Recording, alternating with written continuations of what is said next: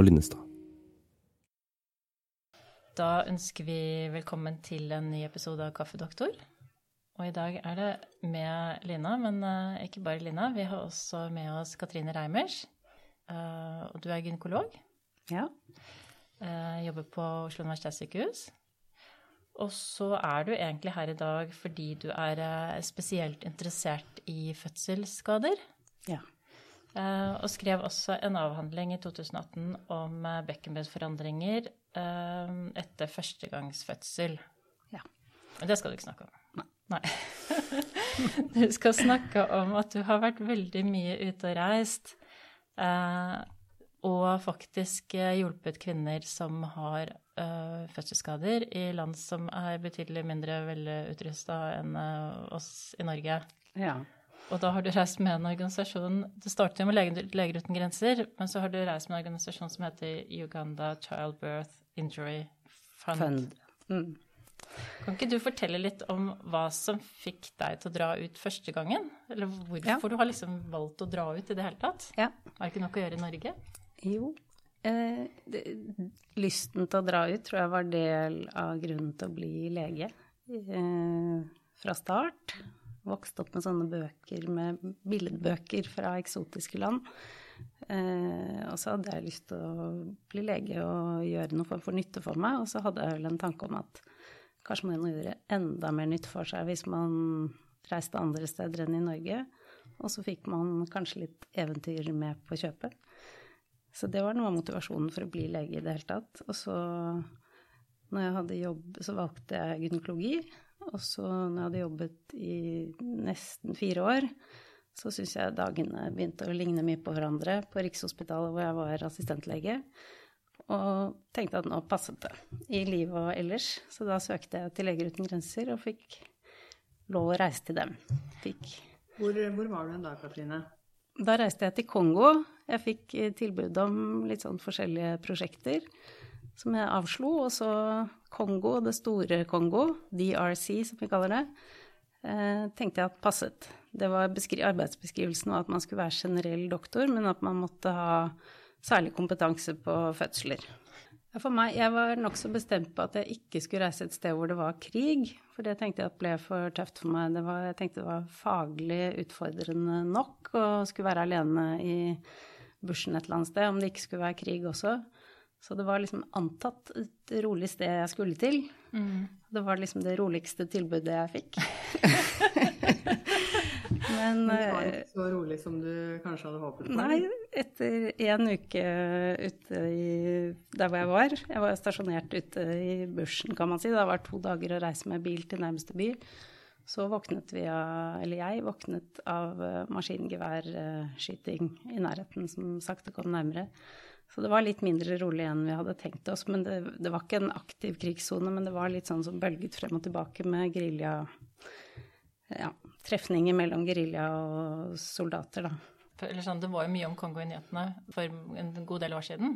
Mm. Uh, om hvor urolig det var der. Og så har vi, hører vi jo ikke så mye nå. Det betyr jo ikke at det er akkurat Nei, det men- betyr nok dessverre ikke at det er så rolig der. Det er en Nei. slags sånn konstant uh, urosituasjon, men den, det hadde vært verre tidligere. Ja. Man eh, kalte det den afrikanske verdenskrigen eller noe sånt, for det var mange naboland som var involvert i konflikter og sånn. ja. Så det skulle liksom være roligere nå. Og det var, ja. Men det var urolig nok for meg. Jeg syntes Ja. det var litt tøft. Jeg måtte ta en liten fot i bakken og lure på om jeg skulle fortsette å være der eller ikke, men jeg bestemte meg for å bli, da. ja.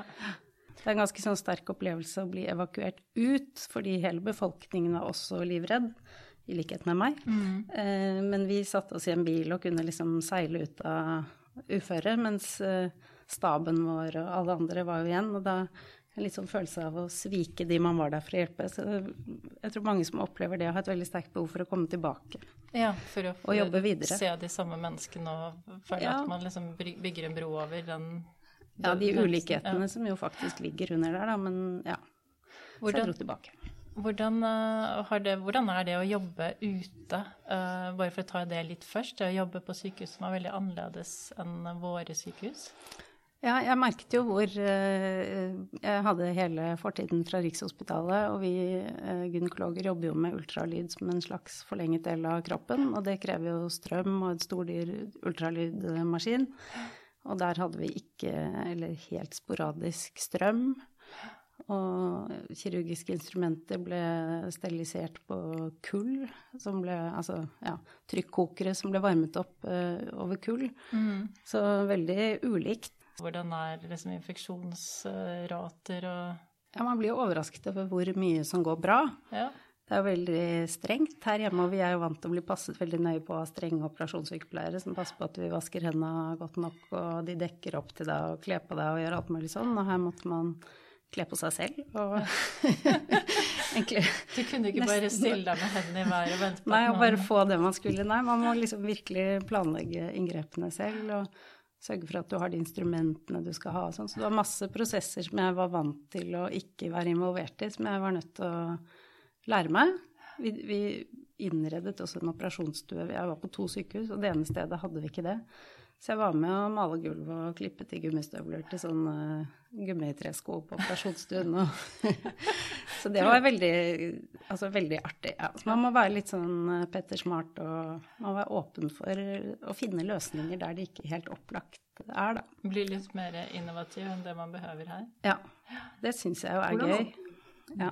Hvordan opplevde du eh, kunnskapen om det med hygiene og sånt? For jeg, jeg var i studietida, så var jeg i Gambia en måned, og der eh, Vi hadde med en del utstyr, bl.a. sterile hansker, og vi opplevde at de tok på seg sterile hansker og tok på stolene rundt og flyttet møbler og sånn med de sterile hanskene. Sånn at det, på en måte kunnskapen om sterilitet var veldig, eh, veldig dårlig, egentlig.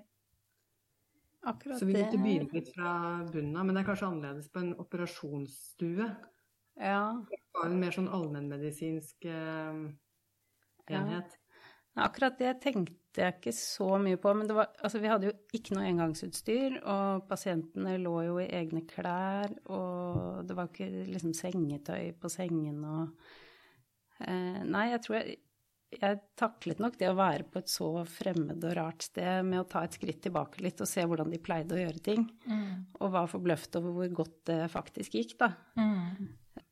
Hva slags type funksjon hadde du da du jobbet i den første delen av eh, Ja, utenlandstjenesten din? Det var, det, var nok, det var mye poliklinikk, på en måte. Og så åpnet vi jo den operasjonsstuen hvor jeg hadde klippet til støvler og alt det der. Så eh, jeg drev etter hvert en del med kirurgi, og det var litt hyggelig, fordi folk var nok litt tilbakeholdne med å Eller folk trodde nok ikke at jeg kunne noe særlig til å begynne med, fordi at jeg nettopp litt at jeg observerte dem og sa hva pleier dere å gjøre når dere får inn krokodillebitt eller noe var som jeg ikke var helt familiær med. Så de tenkte at det at jeg drev og spurte dem hva de pleide å gjøre, det var, tok de som et nokså sikkert tegn på at jeg ikke kunne noen ting.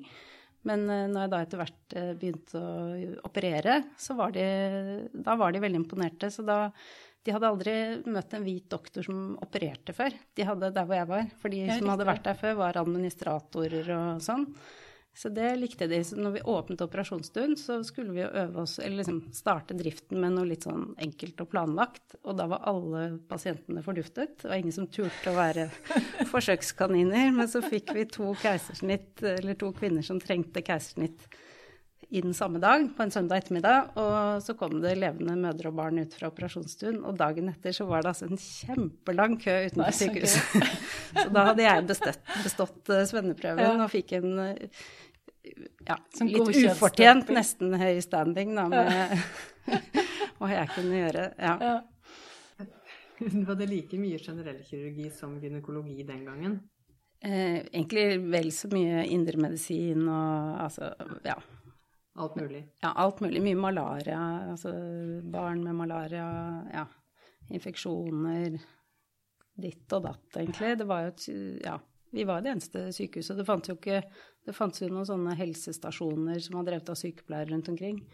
Så det var en slags eh, utvidet allmennpraksis, da, men med fødsler og Bare, bare så for å sette litt i perspektiv, hvor mange leger er det per innbygger i Kongo, holdt jeg på å si?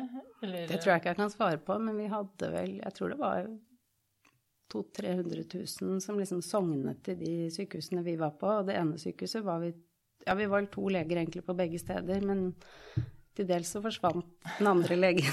Så det hendte at det var bare meg. Ja, riktig. Ja. Ja, det høres ut som en passelig legevakt. Ja.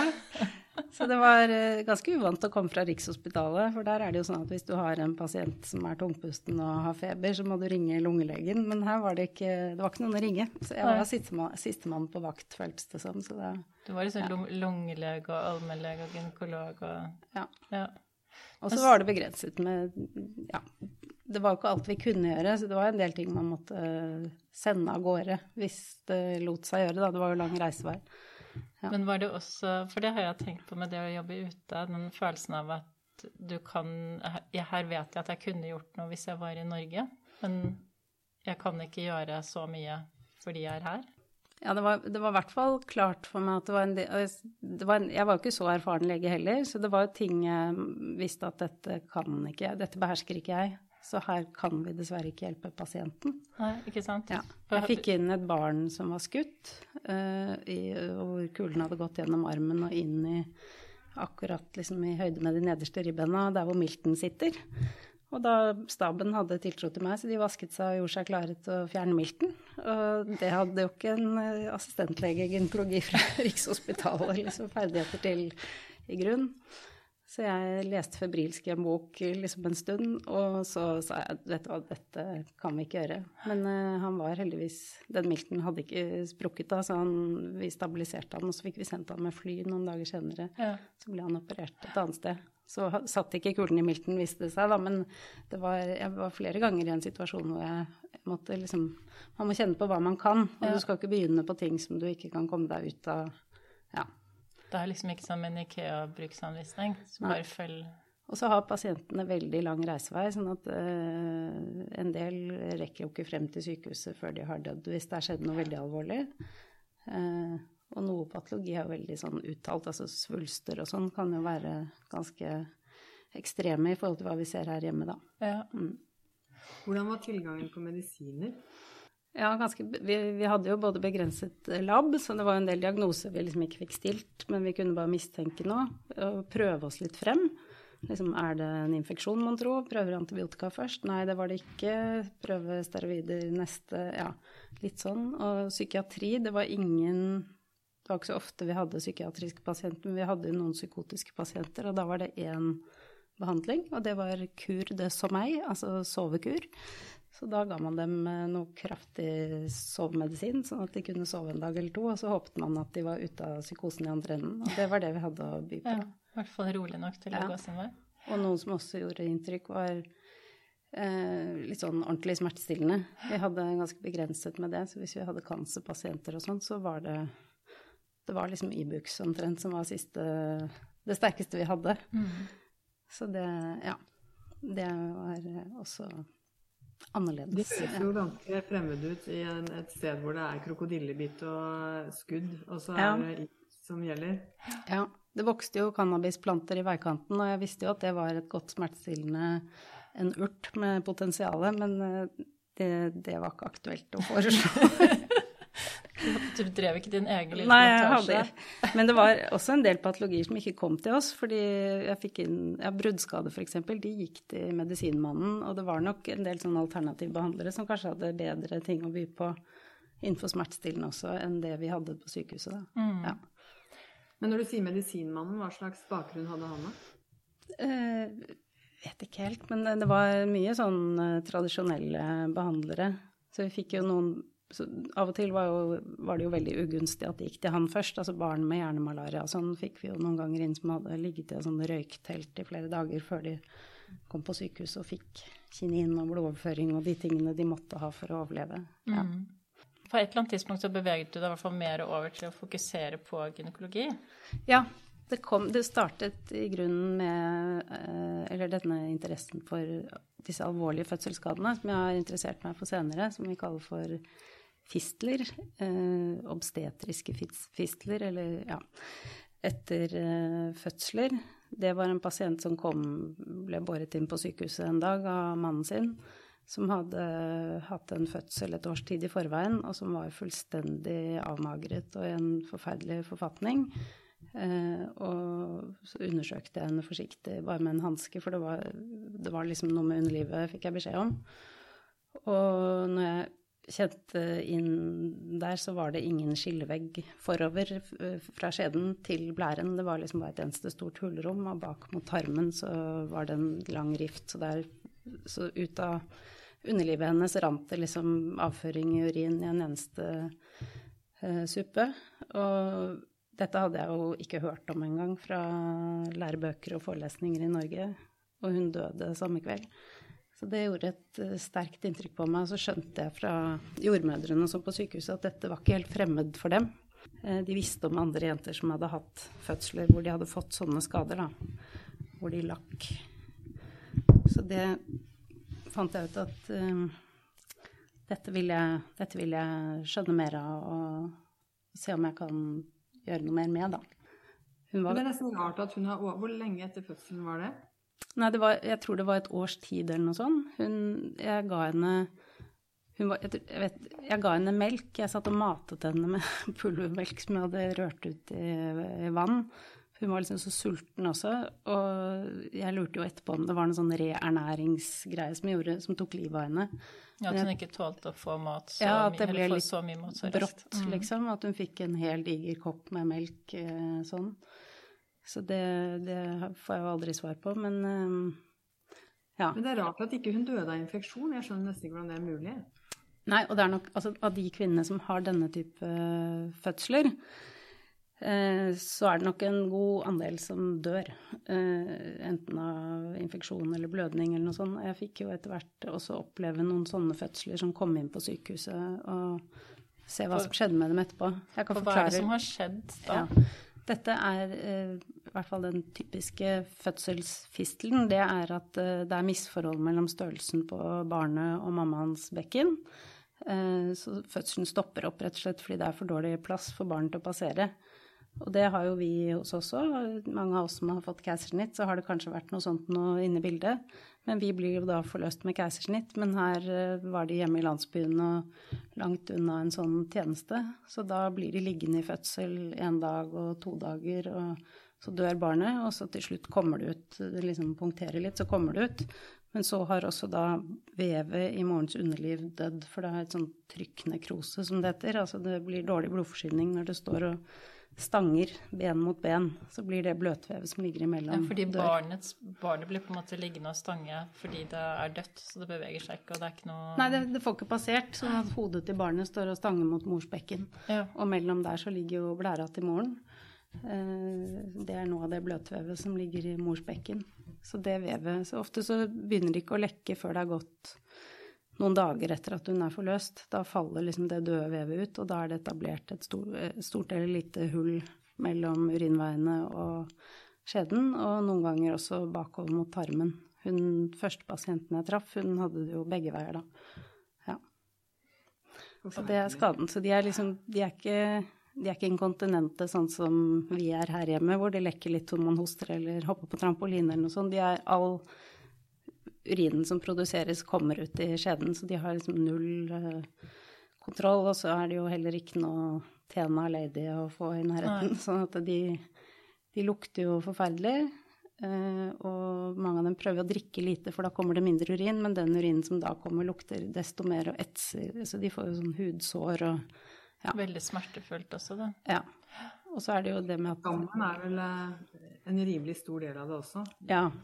De blir vel utstøtt, gjør de ikke det? Jo, så de lukter jo vondt og blir eh, enten fordi andre sier det til dem, eller fordi de ikke vil selv, så blir de jo et, sånn gradvis ekskludert fra samfunnet. De tør ikke å gå i kirken lenger, og de tør ikke å være på markedet. og blir jo ofte, ganske ofte, i hvert fall hos de som ikke har vært gift så lenge, så går mannen fra dem. For han trenger en kone som kan produsere barn hvis mm. han skal ha noen til å ta seg av seg når han blir gammel. Eh, så de blir også av og til kastet ut av familien og plassert i en liten hytte i utkanten.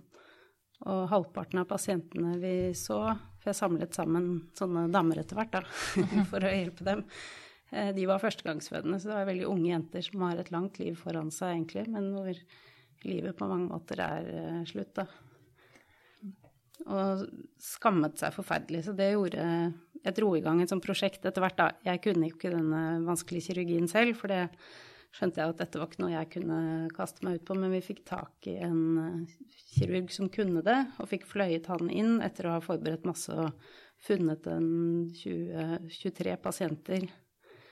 Og det var utrolig gripende, må jeg si, for de kom liksom én og én. Og hvor var dette? Var det Dette var i Kongo. Dette var i Kongo? Ja. På det Så det var jo fortsatt i 2004, ikke sant? Det Ja. første Ja. Mm. Og da kom de liksom én og én utrolig livredde da, de, for hva de hadde i vente, men også litt fulle av håp. Men de trodde seg jo alle sammen å være den eneste i verden som var rammet av en sånn ulykke. Og mange var jo blitt fortalt at det var hekseri eller noe annet som liksom gjorde at eh, de var blitt sånn. Så for dem å treffe andre unge, vakre jenter som også hadde havnet i en sånn situasjon, det gjorde voldsomt inntrykk. Så en, det, det, tilhelingen begynte på en måte lenge før kirurgien, med at de møtte hverandre.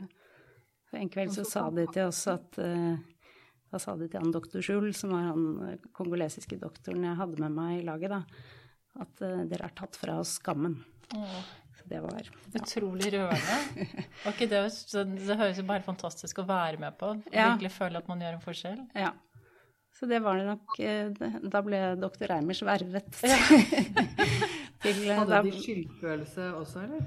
Var det sånn at de ble fortalt at du duger ikke, og det er din skyld, og Ja, det var jo altså mye av det der med at uh, dette er hekseri, eller det er nok noe du har gjort galt som gjorde at det ble sånn. Så det var Ja. Det var skam, eh, skam og skyld og Ja. Eh, Når du først skulle operere det, er det komplisert operasjon, eller er det hvordan eh, Ja, det er ganske vanskelig å få gode resultater, så jeg hadde en ganske sånn hard fight med Leger uten grenser, som hadde på den tiden en policy om at de ikke drev fistelkirurgi fordi det var så vanskelig å få gode resultater. Så det er ansett å være vanskelig kirurgi, og ikke noe du enkelt kan drive med i en urolig kontekst, sånn som det var her. Og det skulle vise seg at de hadde litt rett i det, for vi hadde en ny sånn runde med skyting midt i det prosjektet med å operere disse jentene. Eh, Så det er bedre egnet i en litt roligere kontekst, da. Men disse kvinnene får jo skaden bl.a. fordi det er urolig. De, tør ikke å, de kommer seg ikke til sykehus, ikke sant? fordi det er, ikke, det er farlig å bevege seg ut og. Så disse pasientene er litt marginalisert fra før. De bor langt fra sykehus, de har kanskje ikke penger til å komme seg noe sted, eller ja. Men hvis du skal si liksom, ut fra din erfaring med det, hvor, hva- fikk dere til, på en måte? Eh, med han eh, professor Kisonde, som han het, eh, så fikk vi operert eh, Vi fikk hjulpet ganske mange. Men pga. den skytingen som plutselig så kom geriljaen inn i landsbyen vår igjen, eh, så var det noen av de ferdigopererte som eh, reiste hjem. Mm. Så vi fikk ikke noe langtidsresultat. Det er litt vanskelig å uttale seg om. Ja. Det var et par stykker vi visste at vi ikke fikk til å lukke fistelen ordentlig. Er det fordi vevet er for ødelagt? Ja. Ja. For det er ikke bare det hullet, men det er liksom betydelig med arrvev rundt. Ja. Og det ser jeg nå, nå reiser jeg jo regelmessig etter hvert, eh, at det er et veldig stort spekter fra liksom et lite hull som er enkelt å fikse, til voldsomme skader hvor, som er nærmest eh, beyond repair. Så det er, eh, det er også en veldig lang læringskurve for å kunne hjelpe alle. Og noen klarer man ikke helt å hjelpe. Nei. Ja. Så har du dratt til Uganda. For der Ja. er du med i en gruppe som reiser jevnlig. Ja. I mellomtiden så jeg bestemte meg for at jeg hadde lyst til å lære kirurgien selv, og så ved hjelp av veldig mye flaks og en snill onkel som kjente noen, så fikk jeg lov å reise til Etiopia, hvor det fins et sånn spesialisert sykehus hvor folk fra hele verden egentlig har reist for å lære. Så jeg fikk lov å komme dit og var der et halvt år for å lære kirurgi. Eh, og etter det så Der ble jeg kjent med en engelsk kirurg som også besøkte det sykehuset, som var en senior i feltet, da. Og han adopterte meg inn i sin lille organisasjon, som er denne Uganda Childbirth Injury Fund. Og de har jeg nå reist med i en del år, regelmessig. Så det er noen Var det to ganger i året du drar, er det det? Jeg prøver å få til det. Nå som jeg ble ferdig med doktorgraden og covid er over, så satser vi på to ganger i året. Og alle vi som reiser, vi er sånn tre leger fra Europa og en sykepleier og en jordmor. Vi reiser ikke alle på likt, men vi pleier å reise i hvert fall to stykker sammen. Da. Eh, alle vi er mammaer til barn hjemme, så vi kan liksom ikke dra og være borte i månedsvis eller noe sånt. Så vi drar eh, veldig konsentrert til et sykehus som vi vet at har ok fasiliteter. Eh, og pasientene er samlet sammen på forhånd. Så når vi kommer søndag kveld, så er det masse pasienter som venter på oss, og så starter vi å undersøke dem og skrine og planlegge. Ja. Og så opererer vi alt vi kan i en uke, og så reiser vi hjem. Men vi har lært opp vi samarbeider med ugandiske helsearbeidere, både en kjempeflink kirurg etter hvert og sykepleiere som får spesialtrening, for oppfølgingen etter kirurgien er veldig viktig for at det skal gro og bli bra resultater. Hvor mange rekker dere å operere stort sett på en sånn tidagerstur? Eh, varierer, det, men opp til sånn 30 30-40 stykker. Vi opererer på to bord ved siden av hverandre inne på en operasjonsstue med et lite sånn skjermbrett imellom. Det er jo veldig uhørt i norsk sammenheng. At man har to pasienter på samme stue. Eh, men det funker veldig bra. Ja, det er kjempe Det er et fantastisk konsept. For er, vi er jo litt uerfaren, eller ulik erfaring på, ja, på oss som opererer. Og da er det liksom en senior som kan gå litt fra bord til bord, eller ja kan ikke du komme over her, så hva syns du jeg skal gjøre nå, eller ja. Så man kan eh, Det funker kjempefint. Ja, det, vi har det veldig hyggelig, kan jeg si. Er veldig, de er veldig hyggelige, de skotske. Også. Vi har veldig lik humor og Du har jo uh, vist noen bilder fra når du har vært ute og reist. Du får jo sett en del. Uh, kanskje ja. ikke så mye sånn i området rundt, men det ser veldig eksotisk ut på mange måter. Ja. Kan du kan fortelle litt om hvordan det er? Ja, er, Uganda er jo et utrolig vakkert land, i likhet med Kongo, må jeg si. Altså, dette ligger jo i en sånn frukt... Det er jo, regner jo jevnt og trutt og sånn, så det er veldig grønt og fint. Får, det er jo ikke noe turisme jeg driver med, men det jeg får sett av landet, er fra bilvinduet når vi kjører til disse forskjellige sykehusene, som kan ligge litt ja, rundt omkring. Så det er ganske lange bilturer for å komme frem til pasientene, da. Eh, og så blir jeg kjent med helsepersonellet på sykehuset der vi er, og så blir jeg jo kjent med pasientene våre med sykehistoriene deres og sånn. Så det er, det er den, i den grad jeg liksom blir kjent med landet. Det er gjennom bilvinduet og gjennom de pasienter og de jeg jobber sammen med. Du, du ser jo de samme av det faste personellet igjen også, da? Ser du ja, nå, den, sist jeg var ute nå i oktober, så var vi på et sykehus vi ikke har vært før. Så da var både egentlig legene og sykepleierne nye for meg. Men eh, da reiste jeg med en skotsk eh, kirurg og en skotsk sykepleier, da. Eh, og så har vi en, ja, han ene ugandiske superspesialisten, så noen er vi godt kjent med. Men vi, vi reiser litt sånn ikke helt ang blokk, så sykepleieren f.eks. kjente de sykepleierne der fra før, og ja. Vi, men vi blir et veldig sånn fint team. og i Norge så er jo operasjonssykepleier en spesialutdanning som krever flere år, men der eh, henter de bare en sykepleier på sengeposten og sier 'kan du assistere'? Så når vi startet ut sist, så var det ikke intuitivt at vi trengte knivblad når vi skulle operere, liksom. Så da tenkte jeg nå, her var det litt lang vei frem. Men på slutten av uka så ruller det av gårde. Da er de, da er de godt innkjørt i Vi har lange dager, så de blir ganske godt trent uh, underveis. da. Men er det sånn at når dere drar hjem da, så er det noen andre som dere på en måte har lært opp, som fortsetter, eller venter de på at dere kommer neste gang? De venter på at vi kommer neste ja. gang. De fortsetter ikke å operere, men de fortsetter Pasientene trenger å være i sykehus uh, ganske lenge etter at vi har dratt. Og de som har liksom dårligst vev og hvor det er størst, mest omfattende kirurgi, de ligger med kateter kanskje tre uker etterpå. Uh, og vi reimplanterer urinleder og liksom ja, sånne ting som ikke avansert. Ja, det er ganske avansert. Og jeg føler at jeg lærer masse uh, der, fordi på Ullevål er vi veldig spesialiserte, så der driver jeg liksom med nokså smalkirurgi, mens her jeg, treffer jeg et veldig sånn bredt spekter. Jeg jobber jo også med ja, litt misdannelser på Ullevål. Uh, jenter og kvinner med medfødte misdannelser. Men det treffer jeg også på i Afrika. Ja, så man får sett mye. Men jeg syns jeg lærer mye som jeg også syns jeg tar med hjem. Ja, Så det går begge veier? Ja. Jeg føler at Det er ikke bare sånn at jeg hjelper dem, men jeg føler at jeg kommer beriket hjem igjen også faglig, da. Ja. Og menneskelig, må jeg si. Så du ja. bringer farge og liv inn i tilværelsen og får lov å reise ut. Da. Du har blitt litt ekstra glad i Afrika? Ja, det er det. Vet du om det er eh, tilsvarende organisasjoner i andre land i Afrika?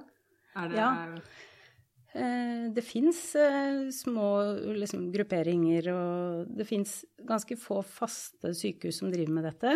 Og dette, men det Etiopia hvor jeg var for opplæring, det, det ble opprettet egentlig fordi disse pasientene rykker på en måte alltid bakover i køen. Dette er elektiv kirurgi. Og kan tenke deg på et travelt afrikansk sykehus, så, så kommer det alltid et eller annet akutt som skal først.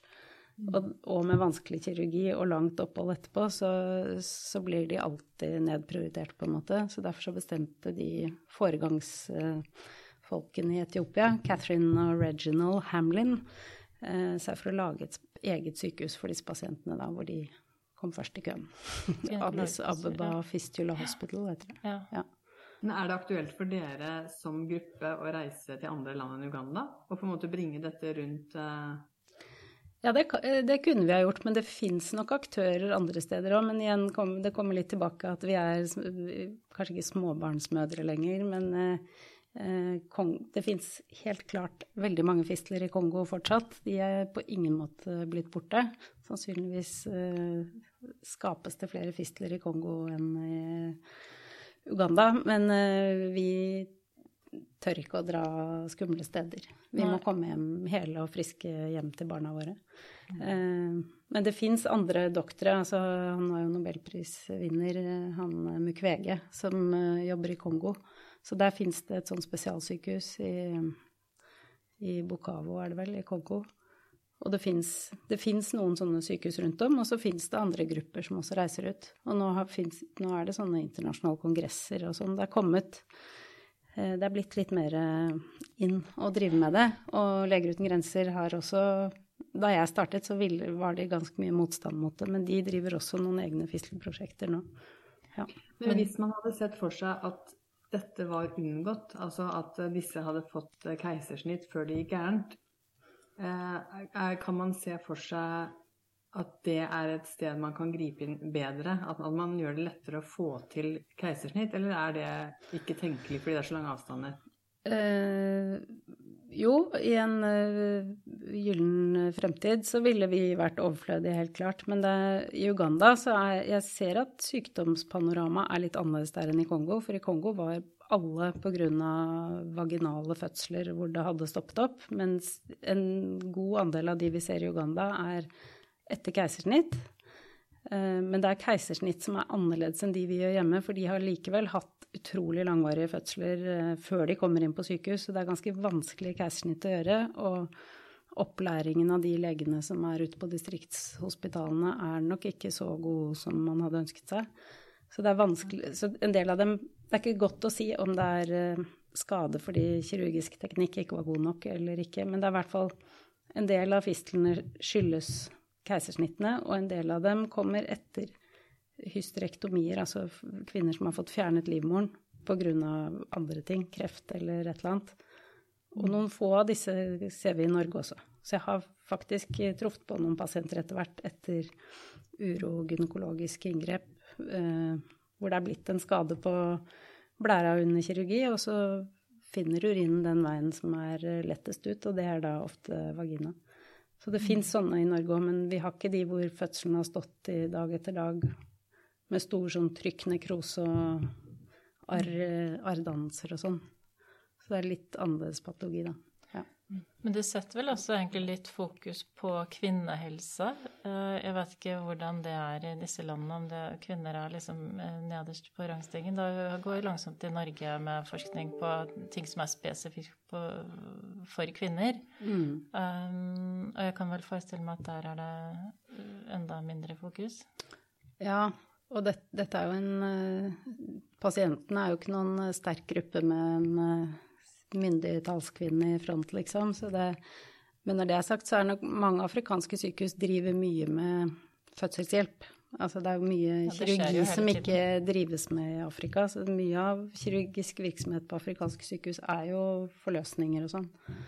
Men vi ser en annen type skade også når vi reiser, og det, det er eh, sånne totalrupturer hvor det har revnet bakover til endetarmen fra skjeden.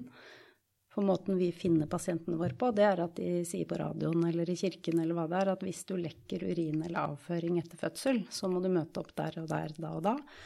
Eh, og da kommer disse Og det er sånne store fødselsrifter som aldri har blitt sydd.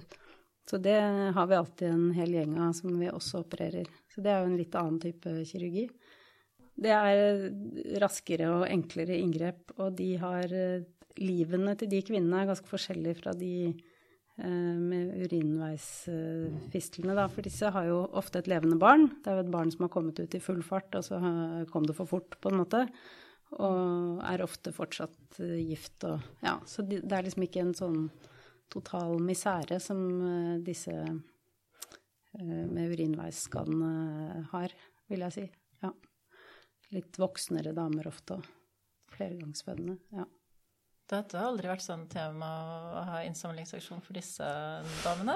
Som ville vært helt fantastisk. Ja, nei, jeg, I år har jeg faktisk tenkt at jeg skal ha en liten sånn Facebook-innsamling for disse pasientene. En liten ja. spleis, altså. Da får vi oppfordre alle til å gi på. Her er det ikke noe administrasjonsutgifter, kan jeg si. Det, Pengene går direkte til pasientbehandling. Vi er, det er vi helsearbeiderne som reiser ut, og så er det en venninne av dem som ser over økonomien. Så er det ingen som hever noe lønnsslipp. Ja. Ja, Egentlig så burde det være julegave, da. Ja. ja. her kan man virkelig hjelpe noen med å få verdighet og et uh, få livet litt tilbake, altså. Mm. Hvis du skulle bare sånn uh, nærme oss avslutning, men uh, fortell om liksom én historie som gjorde spesielt stort inntrykk på deg, av alle de du har møtt. Ja, jeg, øh, det er nok de jeg traff i Kongo som gjør aller sterkest inntrykk på meg. For det, de levde jeg liksom sammen med så lenge, så jeg ble så veldig godt kjent med dem. Eh, det var en som het Ntamba, som kom, og hun hadde ung, vakker jente på 18-20 år som hadde skullet føde, var i lykkelige omstendigheter et års tid i forveien, og fødselen hadde stoppet opp. og Barnet døde, og hun var jo mer død enn levende nesten etter fødselen. Og så hadde hun kommet seg, overlevde infeksjonen. Og så begynte det å renne urin ut av underlivet på henne, og mannen gikk fra henne. Og så flyttet hun hjem til pappaen sin, og så fikk hun høre om dette prosjektet. Og så sa han nei, det, du er forhekset. Dette eh, så hvis du drar til det sykehuset, dette skal behandles på andre måter eller tradisjonelt eller ja. Han i hvert fall sa at hvis du reiser til sykehuset nå, så er du ikke velkommen hjem igjen etterpå.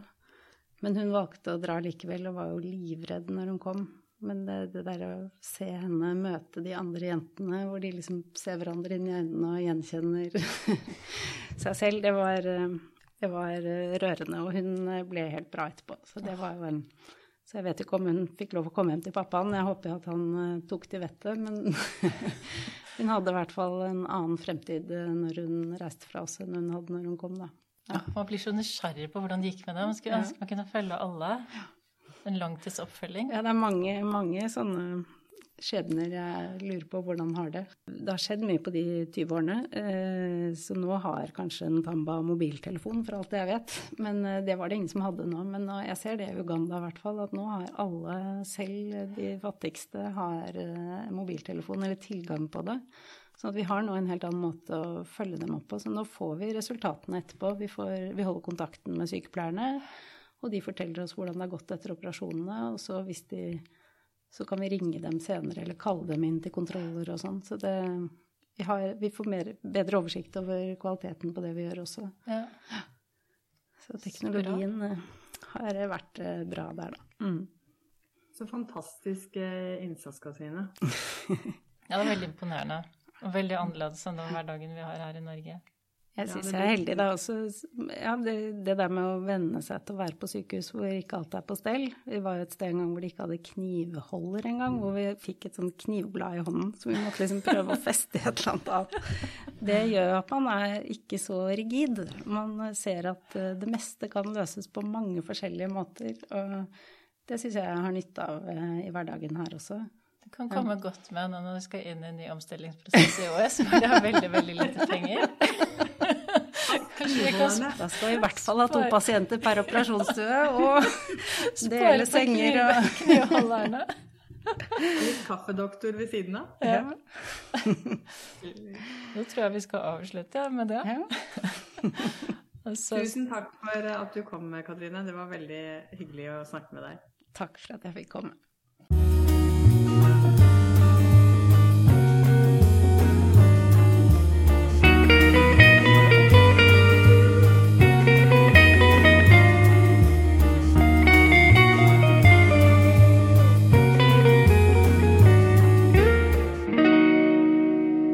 Kaffedoktor med Rom og Linnestad.